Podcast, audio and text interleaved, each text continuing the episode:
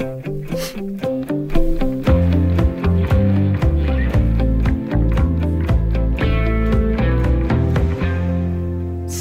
hvordan er det at være investor i kryptovaluta for tiden?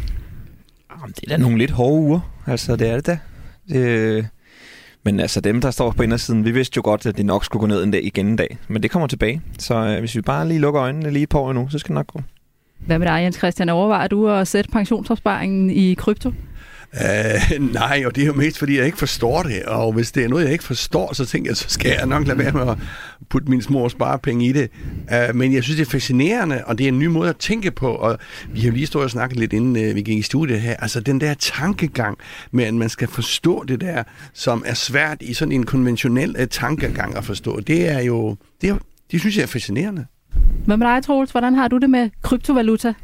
Og jeg synes, det er svært. Øh, jeg, jeg har ikke investeret i det, og øh, det kommer jeg nok heller ikke til forløbet, men jeg, jeg er sådan lidt smule intrigued af den måde, det er organiseret på, som jeg synes er utrolig spændende. Men der er altså stormvær på kryptomarkedet for tiden. For nogle uger siden kollapsede en af verdens største kryptobørser, og kunderne kunne se alle deres penge forsvinde mellem hænderne på dem. Det har sendt chokbølger gennem markedet, og flere af de store kryptovalutaer styrt bløder så er det hele bare snyd, en lotto-kupon, det vilde vesten, som kritikerne siger, eller er der fortsat et kæmpe potentiale i kryptovaluta og hele teknologien bag, som tilhængerne siger, at der er. Det skal vi tale om i dagens udgave af Erhvervsmagasinet Selskabet på Radio 4. Vi er programmet, der stiller skarpt på ugens store erhvervsnyheder sammen med vores panel, som byder ind med deres viden, meninger og egne erfaringer fra erhvervslivet. I panelet sidder i dag Simon Kvistgaard, som er iværksætter og bestyrelsesmedlem, Troels Blikker Danielsen, der er administrerende direktør i arbejdsgiver- og erhvervsorganisationen Teknik Arbejdsgiverne, og vores faste erhvervskommentator Jens Christian Hansen er selvfølgelig også med i panelet. Jeg selv hedder Stine Lynghardt. Velkommen til selskabet. Inden vi dykker ned i kryptomarkedet, tager vi lige en hurtig overflyvning over nogle af de andre erhvervsnyheder, som har fyldt i løbet af ugen, og som I her i panelet er særligt optaget af lige nu.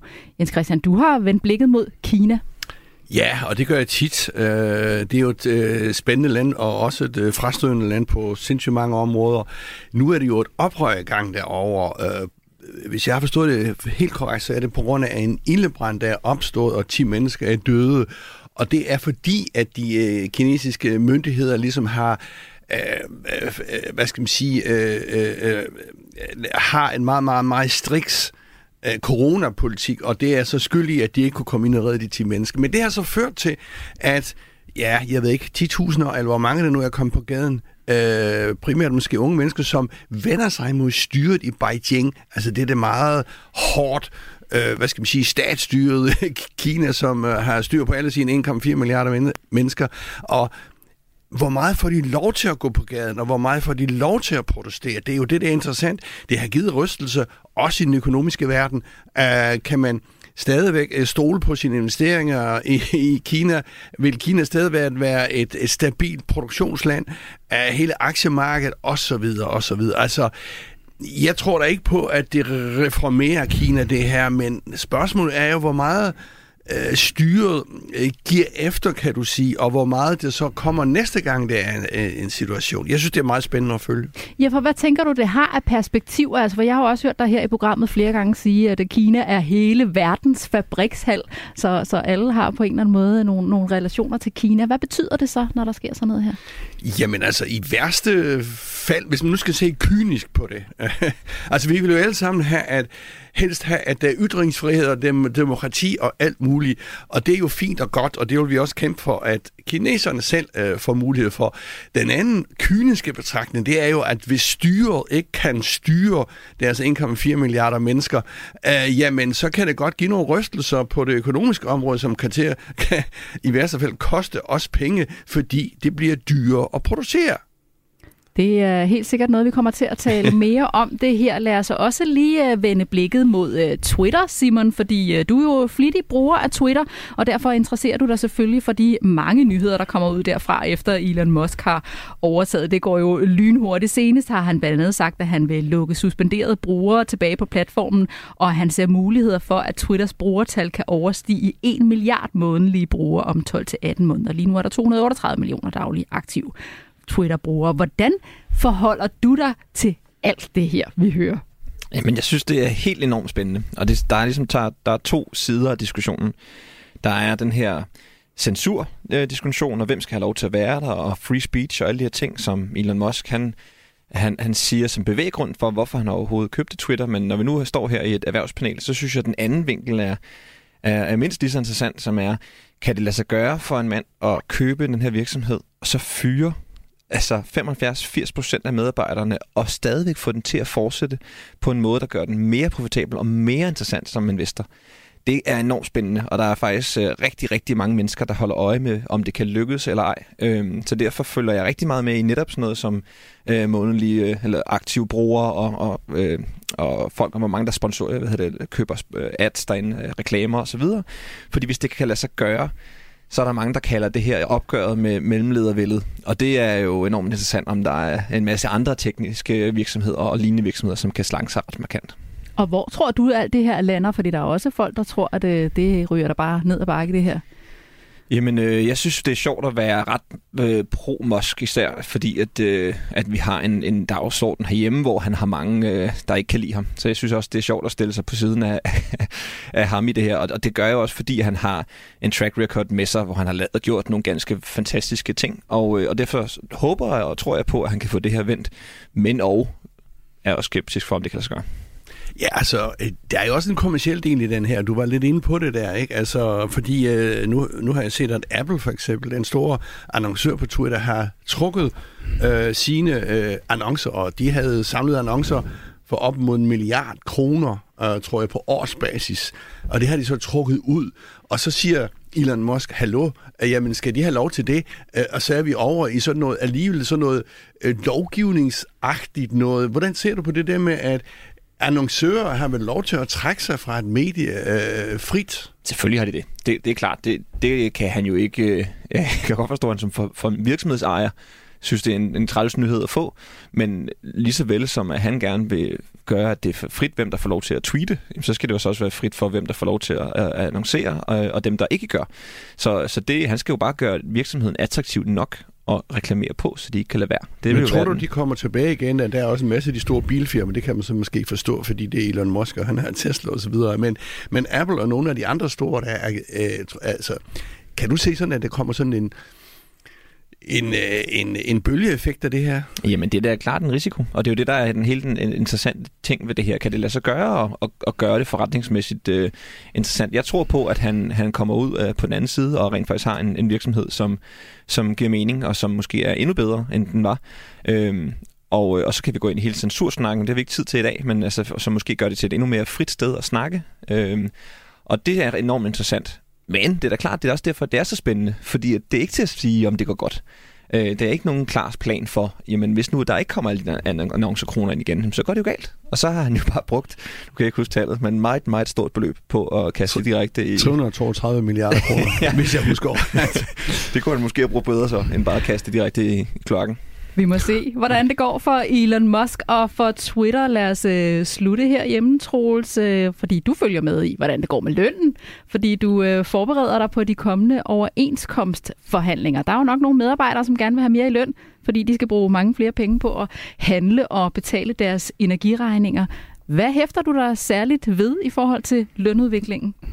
At den øh, er forholdsvis øh, flad i et højinflationsscenarie, det er klart. Altså, der er jo noget med øh, efterspørgsel og forventninger og sådan nogle ting, som vi er nødt til at holde meget skarpt øje med. Det er jo typisk sådan, over tid så følges inflation og realløn jo ad.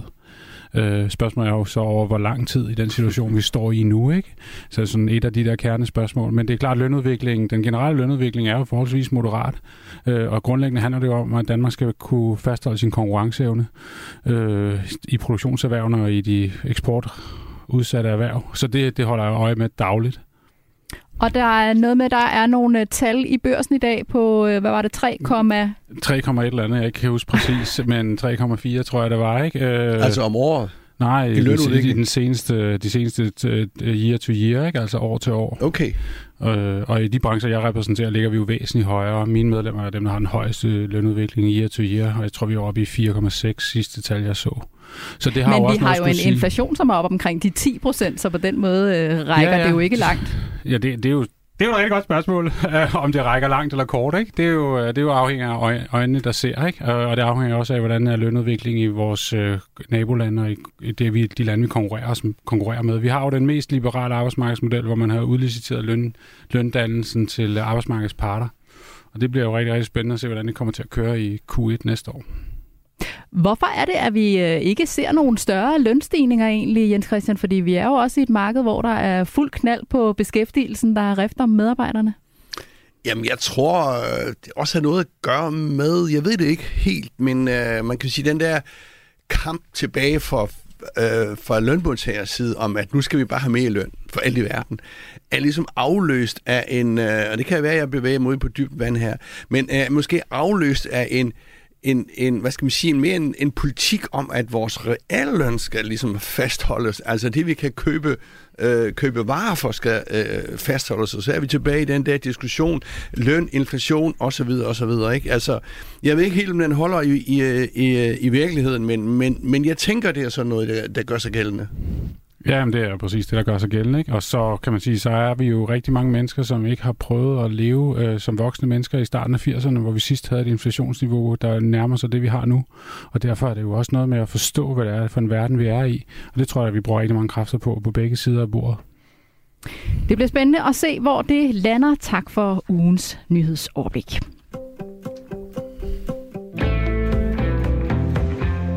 Vi er i fuld gang med erhvervsmagasinet Selskabet på Radio 4. I studiet er Troels Blikker Danielsen fra Teknik Arbejdsgiverne, bestyrelsesmedlem og iværksætter Simon Kvistgaard, selskabets faste erhvervskommentator Jens Christian Hansen, og jeg hedder Stine Lynghardt.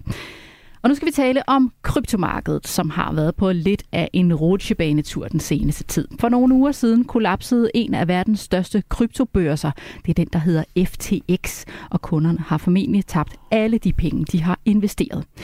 Og det her kollaps har også påvirket værdien på nogle af de andre kryptovalutaer, som i forvejen har haft et svært år. Hvis vi ser på to af de store kryptovalutaer, Bitcoin og Ethereum, så er de faldet med næsten 70 procent det seneste år.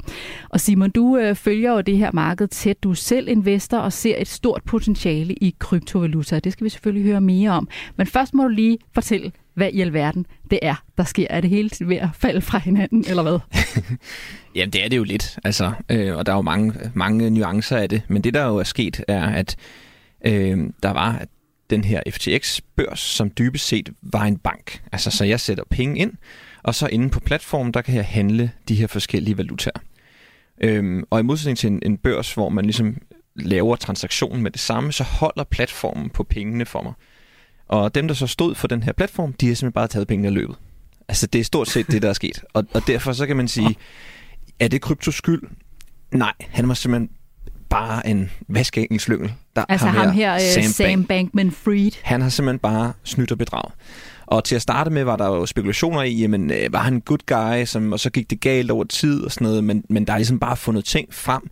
For eksempel så kan man nævne, at han havde programmeret en bag, bagdør ind i deres økonomisystem, der tillod, tillod ham at overføre store summer uden accept for andre. Og sådan noget, det er jo bare snyd. Altså, så det har reelt ikke noget med krypto at gøre. Det kunne lige så godt være Enron-skandalen, det kunne lige så godt være øh, Steinbacher. Altså, så, så det her, det er et individ, som har stjålet en masse penge. At beløbet så er blevet så stort, det kan være svært for os øh, menige mennesker at forstå. Ikke? Altså, vi kunne ja, ja, fordi hvordan kan det overhovedet lade sig gøre, uden at der er nogen, der stiller spørgsmålstegn ved det her, eller, eller ser den komme? Ja, og det er jo fordi, at øh, når vi kigger på krypto, så er der to ret øh, essentielle steder. Der er det, man kalder de centrale exchanges eller børser. Og det er jo altså en platform, hvor, du som, hvor jeg som sagt giver den her børs mine penge, og så kan jeg handle inden for den. Og lige så snart jeg giver mine penge øh, til den her børs, så er det jo dem, der har magt over den. Og de er ikke reguleret, og derfor så, øh, det vil en normal bank jo være.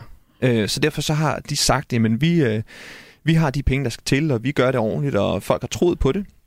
Og de har haft et enormt troværdigt yder. For eksempel så har ham her, Sam Bankman-Fried, rigtig, rigtig mange gange været i Washington og forhandlet med lovgivere. Øhm, og han har ligesom været sådan et wonder child. Man har virkelig alle har set op til ham. Så derfor har alle troet på det, og det har ligesom været en masse penge, der har væltet derind. Øhm, men fordi det ikke er reguleret, så har han kunne leve med dem. Og det er så der, hvor der er en masse mennesker nu, der siger, jamen det skal reguleres. Så den her centrale enhed, lige snart jeg ser mine penge ind i banken, jamen så skal der være en politimand, der kan slå ham i hovedet. Jens Christian? Ja, altså, øh, og det er jo, øh, nu stiller jeg igen min uvidenhed til, til, til offentlig skue her, fordi, øh, Simon, der er jo ikke nogen revisorer, der er ikke nogen advokater, der er ikke nogen øh, involveret. Jeg, jeg har stadigvæk svært ved at forstå, det havde jeg også med Stein Bakker, som du nævnte i sin tid, svært ved at forstå, hvordan en mand i så stor stil kan svindle for så meget. Nu må vi så se, hvad det ender med. Men er, er det korrekt opfattet, at der ikke er revisorer, der er ikke nogen, der, der kigger, og jeg er godt klar over, at der er ikke nogen offentlig myndighed, der er ikke nogen regulering i det her, men er det slet ikke nogen, der, der spørger, hvad Sam Bankman men, øh, øh, gør? Altså, er, er der slet ikke en kontrol her i det her system? Jamen både og, altså fordi det er jo, øh, nu bliver han jo øh, formentlig øh, taget til USA og kommer fra en, en domstol og ender med at ryge fængsel, fordi at nu ryger han jo pludselig ind under kriminalret, og så er der jo kontrol, og så bliver han jo fængslet. Øh, det må man formode. Men, øh, men inden for kryptovalutaen, der er der stadigvæk en masse uvidenhed om, hvem, hvem har rent faktisk ret til at, at undersøge hvad. Fordi hvad er det, vi handler? Hvis nu jeg køber en, øh, en mønt med et hundehoved på, jamen hvad er det så, og hvem skal regulere det? Er det det, vi kalder en commodity, altså en vare som korn, eller er det en øh, aktie, eller en, og det er der ikke nogen, der rigtig har taget stilling til. Så derfor er det svært for dem at vide, hvordan de skal regulere det. Øhm, men det kommer der til at være en lang bølge hen imod nu, som gør, at de her centrale steder, de kommer til at, at, at have den samme lovgivning som banker og andre. Det må man forvente hen over de kommende år. Men man kan vel også sige, hvis jeg lige må øh, følge op på det her, altså hele ideen med det her krypto, det er jo, at du skaber et, et frihedsprojekt, er det ikke korrekt opfattet, at du netop skaber noget, som det offentlige ikke har sin øh, store, dybe finger langt ned i. Øh, så, øh, og det er det, der er helt, og det er det, der er helt det er det, der gør ondt i maven på mig i forhold til alt det her. Det er, at, at det går ud over krypto som det ideologiske projekt, at der sidder sådan en mand her og stjæler alle de her penge. Fordi at, at der har faktisk de seneste år været en lang række øh, store virksomheder inden for krypto, som er faldet sammen. Og fællesnævneren har været, at det har været centrale enheder, hvor nogen de har snydt. Øhm, det, der ikke er faldet sammen, det er alle de steder, der har haft den lidt mere grundlæggende kryptoværdi, som er decentralisering, hvor der ikke er et, en enkelt individ, der kan snyde, men hvor det er kode, og det er fuld transparens. Og alle de steder, de klarer sig fortrinligt. Så de steder, som rent faktisk lever op til den her krypto, krypto-ethos, eller hvad man nu kan sige, jamen, de gør det faktisk rigtig godt. Og en af grundene er, at der er fuld transparens. Så jeg kan til hver en tid se præcis, hvor mine penge er, hvem jeg har lånt dem til, hvor de så er røget hen, og hvordan systemet er gearet. Og det kan man ikke inden for de her exchanges, og det er det, der gør dem så farlige. Troels, hvad er din oplevelse af, hvad der er, der foregår? Jamen, jeg synes, det er rigtig interessant at høre, og jeg bliver meget klogere af at høre på det. Øh, min oplevelse er fuldstændig parallel til corona. Vi har et globalt fænomen, som vi prøver at regulere nationalt. Det kan man ikke. Øh, og det er jo det, der gør nationalstaterne sårbare i den her situation. Altså, hvordan drager du de paralleller? Jamen, det er jo noget, der foregår i hele verden globalt. Øh, vi handler jo på tværs af landegrænser, og så er det rigtig svært at regulere det nationalt. Og det vil sige, at du skal bringe folk sammen globalt for at lave en regulering, som giver mening. Ellers så bliver det jo bare en børs, der bliver reguleret i USA, så det er jo et amerikansk produkt. Og så forsvinder hele den der idé med, at det er de der dis- distributed ledges, som det jo så fint hedder, ikke? Altså, som jeg ikke ved, hvad det hedder på dansk, men hvor der sidder nogen i hver eneste hjørne og har ligesom deres øh, snas af koden. Jeg synes, det er rigtig, rigtig interessant. Jeg tror, at øh, Altså potentialet i den her blockchain-teknologi, der ligger bagved her, har vi kun lige set øh, altså begyndelsen af. Jeg, det, jeg, jeg tror, potentialet er enormt. Hvad er det for en potentiale, du ser? Altså, det offentlige, som jeg kender bedst, gigantisk potentiale for at øh, hvad hedder, skabe meget øget transparens, så man kan følge sine sager, for eksempel. Eller så man kunne følge sine skattepenge. Det kunne også være et bud, ikke? Hvis nu alle skattepengene var på en blockchain, så ville jeg kunne se, at når jeg betaler det her skat, så går den her, øh, den her krone, den går herover til, til det sundhedsvæsen, og den her krone går over til den der folkeskole. Den form for transparens er jo det, vi efterspørger i en global verden, hvor som bliver mere og mere kompleks. Og det er det, blockchain kan i min verden, når den bliver kørt rigtigt. Er der så banditter et sted, hvor der øh, er et irregulært marked, sådan er det jo. Øh, men det er jo selvfølgelig vanskeligt øh, som liberalt tænkte mennesker at stå og bede om øh, global regulering, men det tror jeg er den eneste vej frem her. Det er, at det her regulering må ikke komme nationalt. Men det er nødt til at komme tværnationalt. Hvad er det for en, en institution, øh, øh, øh, Troels? Hvad er det for en, øh, en global institution, der skal regulere det her? Det vil så sige, at de skal blive enige i en eller anden forum. Hvor ja, det? ja, altså der, hvor man normalt regulerer banker globalt, det er jo Basel. Det hedder Basel-reglerne. Så, så der findes jo en institution for det, øh, øh, og der har man ud, laver man jo sådan fælles globale regler for regulering af banker. Det sker i Basel. Øh, det kunne være et sted. Jeg ved Simon? det ikke. Men det er bare, altså lige præcis den her blockchain-teknologi, den kan ikke rigtig reguleres, så længe den bliver kørt op med den rigtige blockchain-teknologi og bliver kørt decentralt. Altså for eksempel så har man jo øh, forsøgt at lukke ned for det i Kina, øh, og de lukker jo ned for alt, hvad de kan, men den her teknologi, den kan du ikke lukke ned, fordi der er ikke noget single point of failure, eller noget, hvor vi kan slå ned, eller ikke nogen, vi kan slå i hovedet, eller an, øh, hvad hedder det, anhold. Så derfor så lever den videre, og det vil den også gøre, hvis folk forsøger, hvis der er nogen i Basel, der bestemmer sig for, nu bestemmer vi, så vil det her community, det er en meget liberal øh, forsamling af mennesker, de vil ligesom bare sige, det er fint, vi, det kan I ikke. Altså, så det kan ikke styres. Men og faktisk, kommer det hele så ikke til at bare bero på tillid? Hvis der ikke er nogen kontrol med det? Jo, men det er faktisk noget af det, der er enormt smukt ved, at, øh, at den her kryptoteknologi er, er bygget på det, vi kalder trustlessness. Det vil sige, at jeg stoler faktisk ikke på nogen som helst. Så jeg bygger teknologien op omkring, at jeg ikke behøver at stole på nogen. Hvor når jeg har min, alle mine penge inde hos Sam Bankman-Fried, så stoler Præcis. jeg på, at han ikke løber med dem. Og det gør han, fordi det er for nemt for ham. Ja. Så hvis er det så jeg... ikke lidt sårbart, altså når der så er en, der kan løbe med det hele? Men der er jo masser, der også har troet på ham her, Sam Bankman-Fried. Jo, og det er det, der ligesom er hele pointen i, at de, de steder, som er centralt styret, hvor der er et menneske, der sidder for bordenden, de skal reguleres tungt. Men hvis du rent faktisk kommer ind i krypto og bruger det på den måde, krypto er tiltænkt, så er der ikke nogen, der bestemmer. Og derfor så er der ikke noget du sted, du kan regulere. Og det er ret svært at forstå. Og før vi får den forståelse ud i menig, hos menigmand og hos politikerne, så kommer det her til at være en diskussion, der bliver ved med at blive taget. Truls. Men det kan, hvis man griber den bold, som et lille åbent land som Danmark, skabe ekstremt stærkt demokratiske institutioner. Hvis vi kan uddelegere og, og, og tage nogle øh, af vores fælles institutioner og organisere på den måde, så kan vi, øh, vi kan, hvad hedder det, vi kan ansvarliggøre den enkelte borger, vi kan skabe meget større grad af ansvar, og vi kan skabe meget større grad af engagement. Men vi skal turde gøre det, og det er en helt anden måde at tænke på, det er jeg helt enig i. Jeg forstår det ikke på pengesiden, men jeg forstår godt princippet bagved. Jeg kunne sagtens finde masser af steder i det offentlige, hvor jeg kunne, hvor jeg kunne gøre det der. Simon? Jeg tror bare, det der, at det der noget af det, der gør det svært for danskerne at forstå, det er, at det løser også en masse problemer, som vi ikke har i Danmark. Øh, så hvis man nævner en ting, så er korruption jo øh, en kæmpe, kæmpe stor ting i rigtig mange andre lande. Det har vi heldigvis ikke så meget af, så transparensen er ikke lige så vigtig. Men der er jo måske nogle banker, jeg kunne nævne, som har haft problemer med hvidvask og andet, så hvor det kunne have været relevant. Men hvis man tager til et land som øh, Argentina eller øh, Venezuela eller steder, hvor der er høj inflation, jamen hvis du prøver at sætte dine penge i banken, så forsvinder de jo hen over årene, fordi der er 50% inflation. Hvis du veksler dem til dollars, så tager banken og veksler dem tilbage automatisk. Så du kan ikke få lov til ikke at have dine penge i den lokale valuta, som så langsomt forsvinder. Men krypto giver dig mulighed for pludselig at sætte dem ind i noget helt andet, som holder sin værdi. Og det gør faktisk, at det løser en problemstilling for en masse mennesker, som vi danskere slet ikke forstår. Men, Men er det ikke netop en masse øh, mystiske penge øh, øh, ind i det system der? Nu siger du, at det er gennemsigtighed, og alt foregår fint og godt og sådan noget, men som, som jeg har forstået, er det der ikke netop en masse kriminelle penge ind i det der øh, øh, kryptovalutasystem? Jo, det er jo i hvert fald sådan en, en klassiker, man kan skyde det i skoen, at det er, fordi det er svært at regulere, øh, så bliver det brugt til, til hvidvaskning. Der er masser af studier, der viser, at det er øh, en meget, meget lille andel, og noget, der svarer til, hvad man jo tydeligvis også gør i, i Estland i Danske Bank. Ikke? Så, så, så, så, så der er jo ligesom øh, andre steder i den, i den regulerede verden, hvor det også sker. Så, så øh, det kan ske. Det sker ikke i meget højere grad, end det gør ude i den rigtige verden. Simon, øh, vi ser jo, at Finanstilsynet er ude og advarer mod øh, kryptovaluta. De kalder det for en lotto-kupon. Der er masser, der synes, at lige også er lidt skeptiske, ligesom som Jens Christian.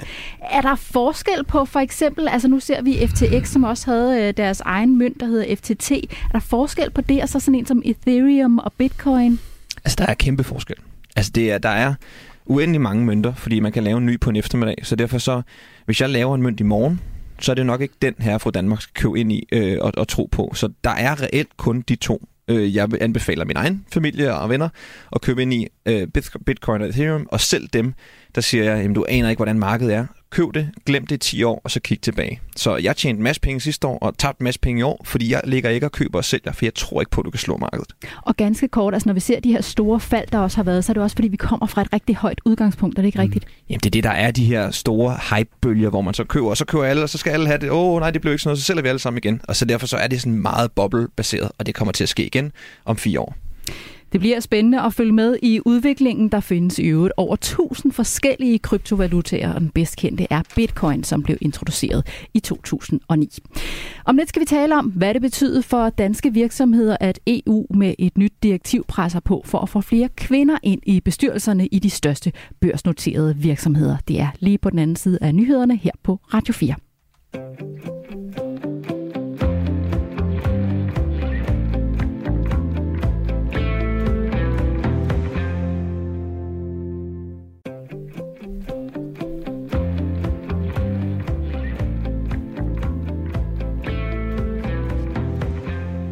Det her er Erhvervsmagasinet Selskabet på Radio 4. Vi går i dybden med ugens store erhvervsnyheder sammen med vores gæster, som selv kommer fra erhvervslivet eller følger det tæt. Vi har netop talt om det kaos, der er på kryptomarkedet lige nu. Om lidt skal vi se på, hvor meget et nyt EU-direktiv reelt set vil batte i forhold til at få flere kvinder ind i bestyrelserne.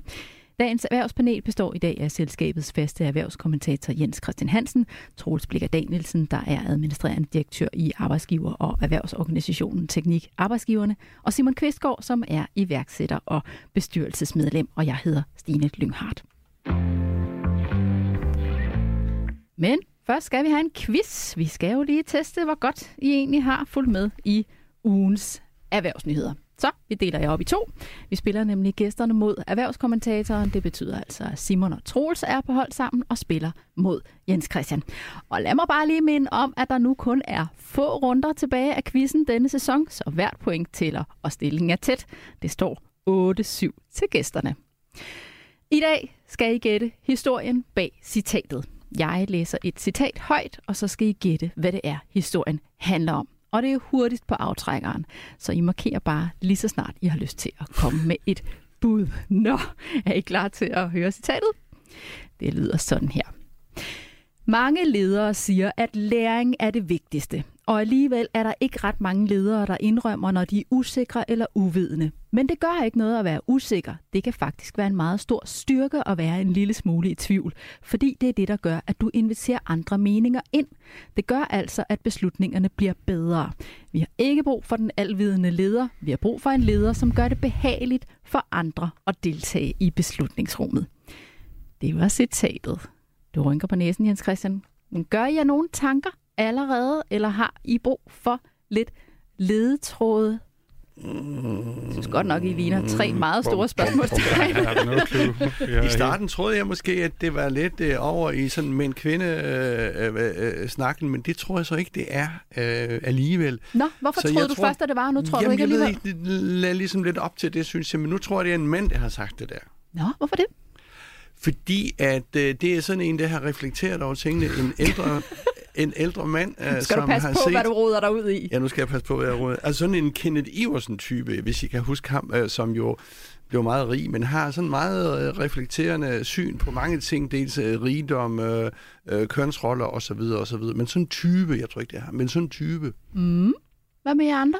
Der var Gør I også nogle lige, øh, overvejelser? var det ikke Morten Albæk var ude og snakke lidt om, om sådan noget med... Meget. Ja, om, om, om uh, han, var, han var tilfreds med sin egen valg i livet, og Ja. noget med ledelsestyper Ja, ja, og sådan noget. Der ja, kunne ja. også godt være noget... øh, Nå ja, det er jeg enig i. Det lyder 100% som Albæk. Det er jeg fuldstændig enig i. Ja. Godt bud, det er ikke Morten Albæk. Ej, okay. Skal I uh, have lidt flere ledetråde? Jeg synes stadig, der er Hov, hov, mulighed hov, for hov, De at... kom med et bud, det Nej, var nej, forkert. nej, nej. Det var ikke et bud. Det var... Kom også med et bud. Det var bare... nå, Det var ikke ham, men... Nå, nå, prøv at høre, inden at I tager næverne frem herinde, så lad os lige uh, få et par ledetråde, ikke? og se, om, uh, om det hjælper jer lidt på vej. Det er en person, som står i spidsen for en dansk virksomhed, der var troet på økonomien, da vedkommende trådte til som finansdirektør i 2008. I 2009 blev personen forfremmet til chef for det hele, og siden da er virksomheden blevet transformeret til et internationalt anerkendt brand. Personen står i spidsen for en virksomhed, som bestemt ikke er lille. Den er stor. Åh, oh, så røg der en finger i vejret over Jens Christian. Ja, altså, øh, det kunne let være Morten Hyppe ude i Tryk. Øh, Tryk er vores største forsikringsselskab. Øh, Morten Hyppe kom til i 8, 9, 10 stykker og 9, 10 stykker der, og han har øh, blandt andet øh, er fortaler for kvindekvote og sådan noget. Det er jo ikke det, vi skal snakke om her. Men, men, øh, men øh, det kunne så være sådan en type der, som, men på den anden side sådan Ah, ja, nu, Det er nogle flotte bud, I kommer med, nu men det er heller ikke jeg rigtigt. lidt i det. Troels? Jeg gætter på Søren Skov fra Mærsk. Nej. Nå? Det er nogle meget, meget fine bud, men øh, nu tror jeg, at I har, øh, har udtømt jeres øh, gættemuligheder. Det er Sheila Søgaard, Ah, som er ja, administrerende det- det- direktør i Årets leder. arkitektfirmaet Big, som Bjarke Engel står bag. Hun er nemlig netop blevet kåret som årets leder 2022. En hederspris, som uddeles af ledernes hovedorganisation. Altså, Kender du hende, Jens Christian? Ja, jeg kender hende udmærket, men øh, jeg havde sådan set uret på alle områder. Hun er kvinde, hun er, kvinde, hun, og hun er ung, øh, og så videre, og så videre. Ikke? Ja, skal jeg trække et point fin til at fra? Skal jeg trække et point fra Nej, nej, din nej. stilling? Nej, slet ikke. Det, vil du, det er du ikke ude i. Her må skændes.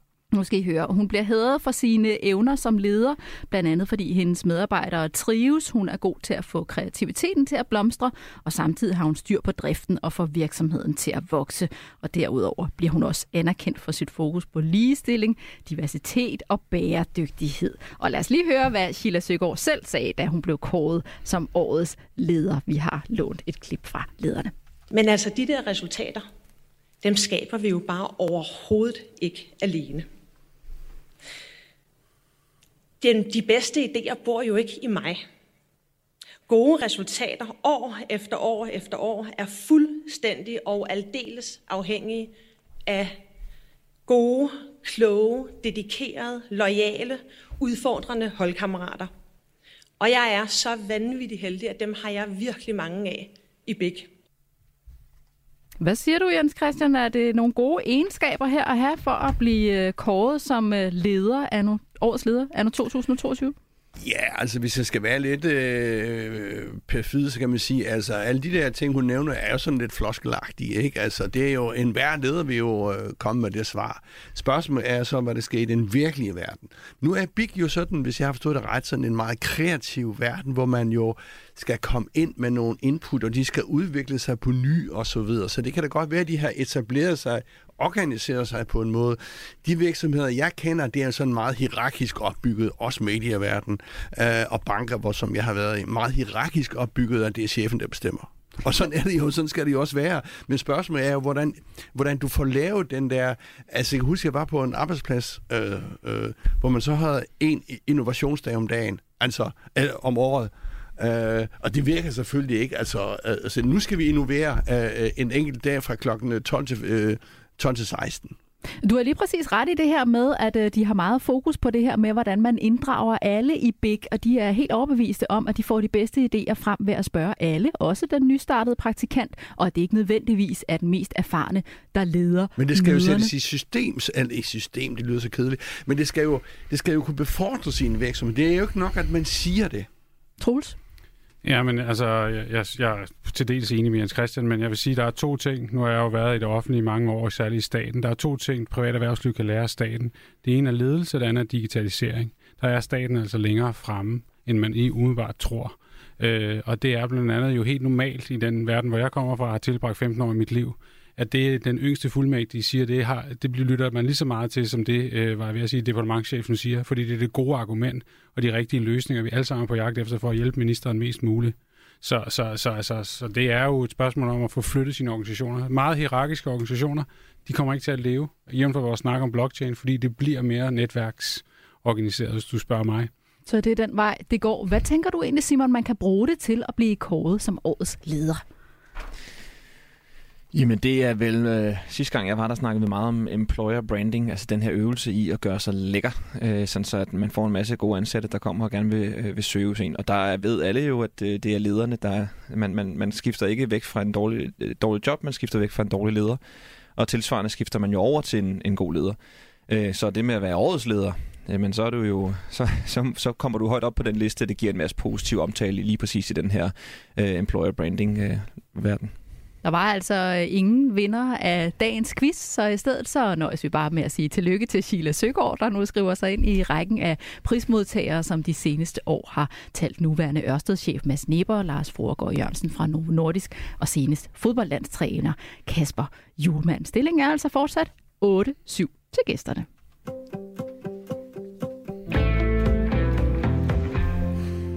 EU presser nu på for at få flere kvinder ind i bestyrelserne i de største børsnoterede virksomheder i EU.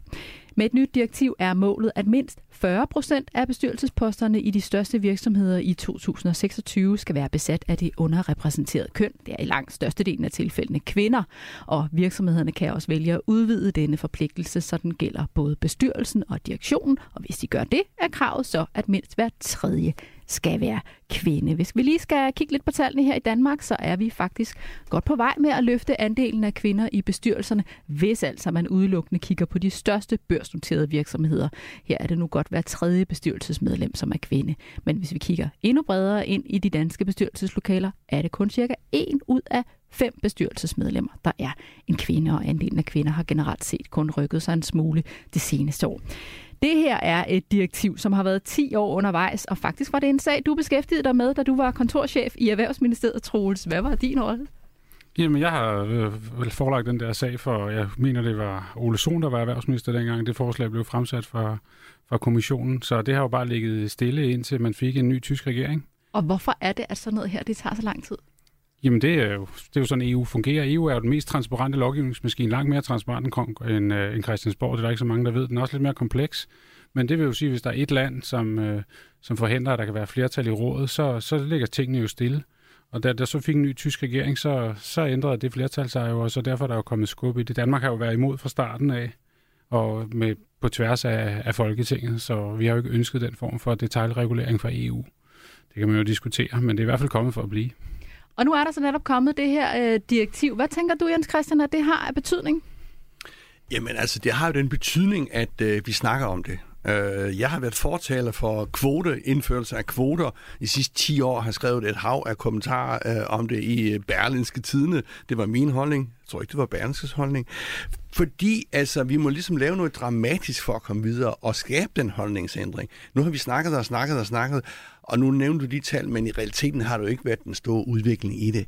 Og alle de der syge forklaringer med, at der ikke findes øh, øh, hvad skal man sige, kompetente kvinder nok, fordi de ikke har den erfaring til de bestyrelser. Den, den, den holder simpelthen ikke i virkelighedens verden, er min påstand. Men hvor meget batter det her? Fordi det er jo lige præcis ikke kvoter, det er nogle, det er mm. nogle måltal, man skal ligesom selv finde ud af i, i de enkelte lande. Det er jo blevet kritiseret for os at simpelthen ikke være ambitiøs nok. Batter det overhovedet? Ja, yeah, jeg tror da, det, det, det det, altså ultimativt vil jeg sige, så okay, så lav en lovgivning. Ikke? Men jo, jeg tror at juledebat er noget, fordi apropos det, som Simon snakkede om øh, tidligere, at man skal gøre som virksomhed, skal gøre sig moderne og lækre, øh, så man kan rekruttere de, øh, de rigtige folk. Det, altså, det er jo også på, på ledelsesplads, at du, du har en diversitet i ledelsen, som det så smukt hedder, ikke? Troels? Jamen, jeg, jeg er helt enig. Altså, jeg, jeg, jeg, jeg synes heller ikke, man skal detaljregulere sådan noget der, men man skal bare huske på, at når det er EU-regulering, så skal det også omfatte Bulgarien og Italien og Spanien og øh, Sverige og Finland. Ikke? Øh, og der er måske brug for, at du har en bredere grad af diversitet, når du træffer dine beslutninger, om det så er i bestyrelsen eller direktionen. Du kan jo se, hvordan det går i Kina, apropos. Ikke? Altså, der har de fået luet alle kvinder ud af det der politbyrå, og det ved jeg ikke, om jeg tror er en god idé. Og, og jeg tror generelt på, at... Øh, flere forskellige synspunkter med mange forskellige synsvinkler, det giver måske de mest øh, oplyste beslutninger at gøre, så man ikke ryger ud i en eller anden grøft. Om det så lige skal være 40 procent eller 35, altså generelt skal folk jo sidde i bestyrelser, fordi de har de kvalifikationer, der skal til. Jeg er ikke optaget af køn. Jeg kommer fra en generation, hvor jeg, jeg interesserer mig virkelig ikke for det. Jeg tror på, jeg tror på kvalifikationer. Men Troels, nu har jeg jo lige været inde og kigge lidt på kønsfordelingen i jeres egen bestyrelse i mm. Teknik Arbejdsgiverne. Så vidt jeg kan se, der er der én kvinde ud af 17 medlemmer. Ups. Hvorfor er det, at I ikke har flere kvinder, hvis det er så godt med den diversitet? Jamen det her, det er jo faktisk en rigtig god forklaring på. Det er jo, fordi jeg repræsenterer jo medlemmer, hvor at 95 procent af branchens ansatte er mænd. Så min rekrutteringsbase er jo meget, meget lille. Så jeg har faktisk i forhold til antallet af mænd i min branche, så er, hvis jeg havde to bestyrelsesmedlemmer, ville det være en overrepræsentation i forhold til antallet af kvinder. Det er ikke ens betydende med, at det er god, godt nok. Øh, men, men det er faktisk det, er det, der, det, det er den konkrete forklaring hos mig. Jeg har så en direktion, hvor vi er næsten 50-50 i dag. Ikke? Ja, og, og hvordan kan det så lade sig gøre, at I godt kan være rimelig ligelig kønsligt fordelt Det er jo i fordi mine ansatte er typisk jo akademisk uddannede, og dem er, det er jo typisk kvinder. Og dem, der sidder i min bestyrelse, det er dem, der driver el- og VVS og, og smedevirksomheder, og de er jo typisk mænd, eller for 95 procent vedkommende mænd. Vi har jo et kønsopdelt arbejdsmarked i Danmark. Det skal man jo være meget klar over. Altså, øh, sådan er det jo. Men er det en problemstilling, I ser hos jer, at der kun er en ud af, af 17 medlemmer, som er kvinder i Ja, jeres ja, bestyrelse? ja, ja, det er det helt klart. Hvad gør I så? Ja, altså, øh, vi gør faktisk det, vi... I forhold til vores konkrete bestyrelse, det tror jeg, det, det må vi tage et andet sted, ikke? Fordi det er jo en konkret der, diskussion, jeg har med min formand. Men øh, konkret i forhold til vores brancher, så gør vi jo alt, hvad vi kan for at få så mange kvindelige lærlinge ind i vores brancher. Som jeg også sikkert har tidligere sagt her, ikke? Vores medlemmer, de har et måltal om at tage 3-4 lærlinge per 100 faglærte. Vi ligger på 25. Så vi er jo også vi er jo underleverandør af, af elektrikere, smede og låssmeder og VVS'ere til dansk erhvervsliv. Og vi har et ønske om at få så mange kvinder ind som muligt, og det er en meget stor kulturforandring. Det lykkedes, øh, det går lige så stille fremad, men det er en meget stor opgave, vi har foran os. Den løser vi i fællesskab med vores modparter, Dansk Elforbund og Blikkerør og Dansk Metal, og det bruger vi rigtig, rigtig mange ressourcer på. Det mener vi er den langsigtede løsning på den her udfordring. Men at, at, kunne det så ikke være godt at presse mere på, som man nu for eksempel gør med sådan et direktiv her? I forhold til de store virksomheder, synes jeg, det er, det er fint at sætte sådan et måltal op. Jeg vil stadig holde fast i, at det skal ikke være køn, det skal være kvalifikationer, der er afgørende for, hvad for et job man har her i Men er spørgsmålet ikke, hvis jeg lige må øh, sparke ind her, øh, øh, altså hvad er de, altså du siger kvalifikationer, det kan jeg alle sammen være enige i, men så hvem opstiller de kvalifikationer, og hvad er det for nogle kvalifikationer? Altså der kan man jo godt være uenig i, er det så en kvalifikation, som, som, som er øh, øh, den, eller er det en anden kvalifikation? Altså øh, er det en klar definition på, hvad kvalifikationer er i den forbindelse? Det tvivler jeg stærkt på. Det synes jeg er en helt færre pointe. At man skal være skarp på, hvad det er for nogle krav, man stiller til, hvem der skal sidde i sin bestyrelse. Det synes jeg er helt fair. Og en kvalifikation kunne godt være, at man for eksempel, hvilket jo være helt overraskende i Danmark, stillede krav om, at topchefer havde arbejdet i udlandet for eksempel. Det er vi jo heller ikke særlig gode til, bare for at tage et andet aspekt. Ikke? Vi har det jo med at lukke os i vores egen andedam, eller folk, der kunne tale mere end et sprog. Altså, du kan jo finde masser af kvalifikationer, der gør, at folk har et andet synspunkt, end det, som er for det øh, alt andet lige, det, den hvide mand, der er vokset op øh, nord for København, som er vel er hovedrepræsentationen ikke? Øh, i en hvilken som helst dansk bestyrelse. Og det er jo en udfordring. Men det er jo grundlæggende ikke noget med kvinder at gøre. Det har jo noget at gøre med, at vi bor i et land, hvor at vi som det eneste land i Europa har valgt at have grænsekontrol på, jeg ved ikke hvilket år. Det er fordi vores internationale udsyn er forsvundet over de senere år. Og det handler jo om at tænke verden som et andet sted. Øh, det kan jeg holde meget langt for dig over, hvad jeg mener om. Ikke? Lad os øh, holde fast i bestyrelserne. Hvad tænker du her, Simon? Jamen, jeg, øh, i, øh, I min virksomhed Viso, der var, var det en, en kæmpe ting at forsøge at skabe øh, diversitet, og vi havde også øh, øh vi havde politerne og IT-folk og så videre, så det var også en tung øh, mande, mandeverden, og vi kom alligevel op på 50-50, fordi vi var meget, meget bevidste omkring, hvordan vi rekrutterede og så videre. Og jeg synes, en af de ting, der, der gør ondt, det er at høre den her, det her argument, der hedder, at vi kigger ikke på køn, vi kigger på kompetencer, fordi det er, det er jo den hvide mands forsvar, øh, og, og det er lidt bullshit, at man, øh, fordi det er, der er en masse mere systemisk i det. Øh, og der er jo, når, hvis man kigger på det økonomisk, så kan vi jo se, at der er masser af analyser, der viser, at kvinder i bestyrelser og diversitet, det skaber bedre forretninger. Så hvis vi bare holder det for øje, så bliver vi nødt til at komme i den retning. Der er også en masse andre mere bløde værdier, som det også giver noget positivt i.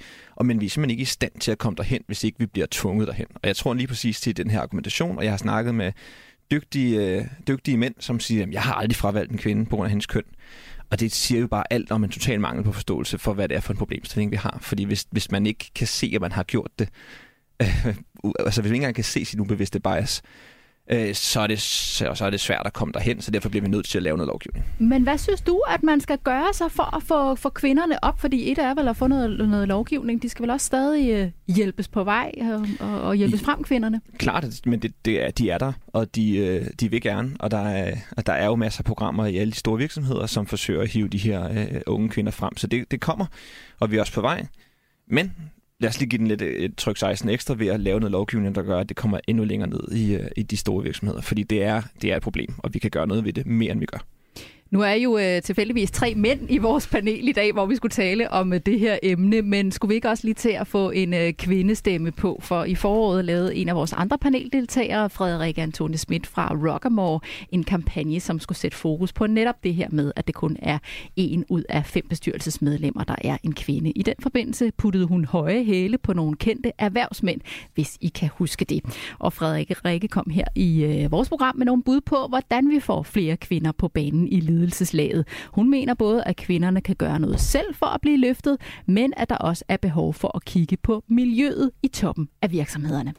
Jeg tænker, at, øh, at der er også en vigtig del af den her samtale, som går på, hvordan det er, kvinderne gerne selv vil se, så hvordan det er, vi gerne selv vil frem, og, øh, og så på, hvordan vi har skruet hele samtalen sammen. Fordi både når man søger øh, nye ansatte, og når man slår job op, og når man slår, nu slår man ikke bestyrelsesposter op, selvom jeg synes, man skulle, men når man i hele tiden snakker om det her, så snakker man på en meget maskulin måde. Det er meget performance-based, det er meget, vi spiller bordfodbold om fredagen, du må ikke gå tidligt hjem. Der er alle de her sådan, snakke, som måske ikke dækker de kvindelige behov.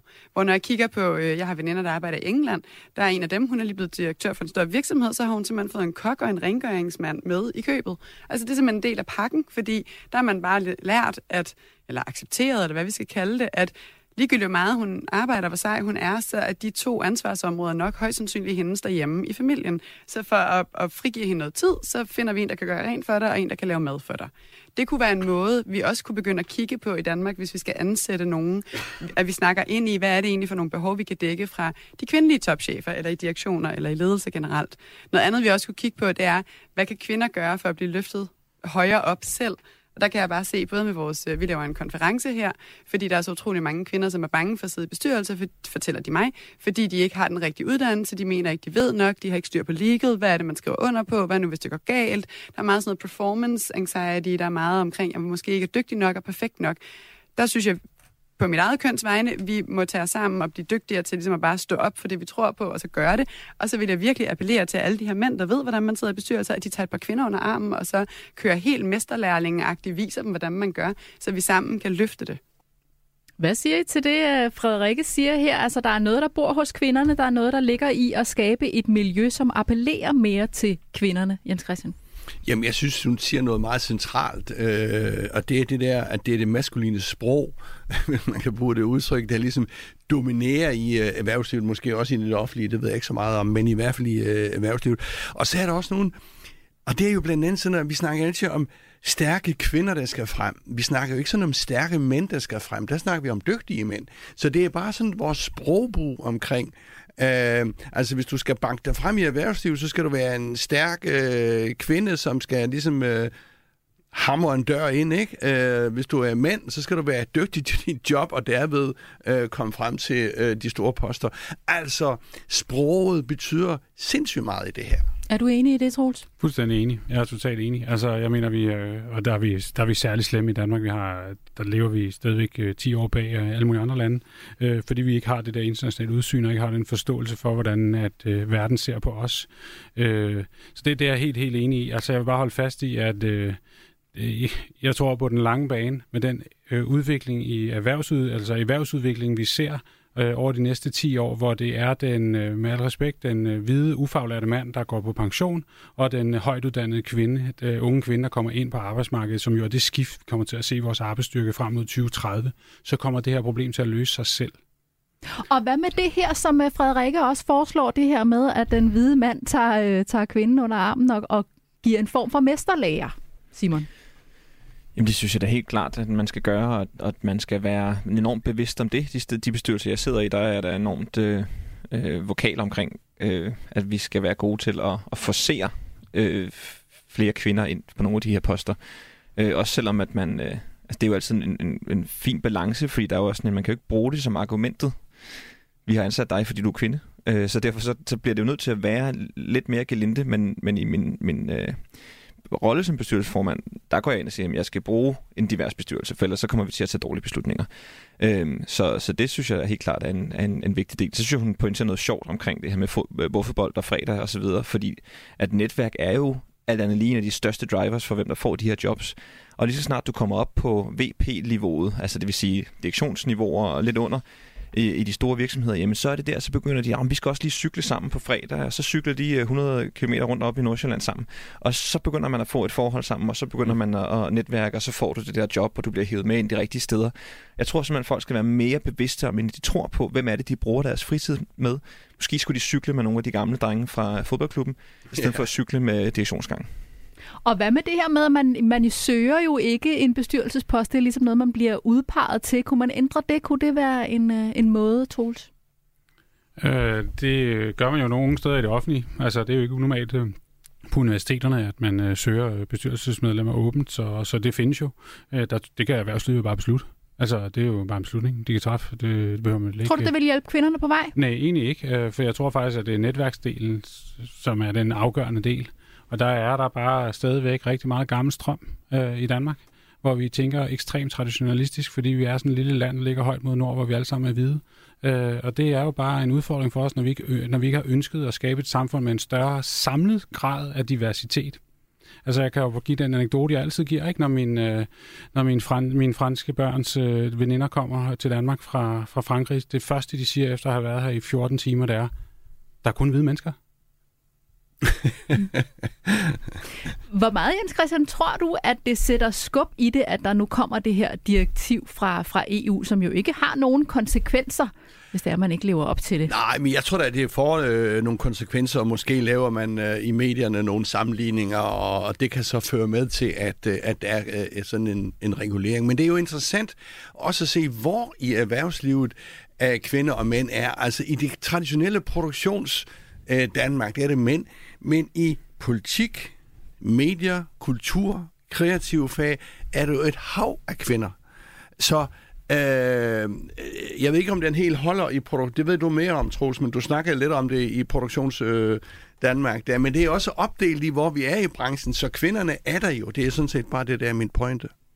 Lad os runde af her, hvis vi ser på tværs af alle 27 medlemslande, er 31,6 procent af bestyrelsesposterne i de største børsnoterede selskaber besat af kvinder. Og hvad angår bestyrelsesformændene, er kun 8 procent af dem kvinder, skriver DR. Vi skal til at runde af for selskabet i dag. Tak til vores gæster i dagens erhvervspanel. Simon Kvistgaard, iværksætter og bestyrelsesmedlem. Troels Blikker Dalensen, administrerende direktør i Teknik Arbejdsgiverne. Og til dig, Jens Christian, vi ses igen på næste onsdag. Programmet her var produceret af Beam Audio Agency for Radio 4.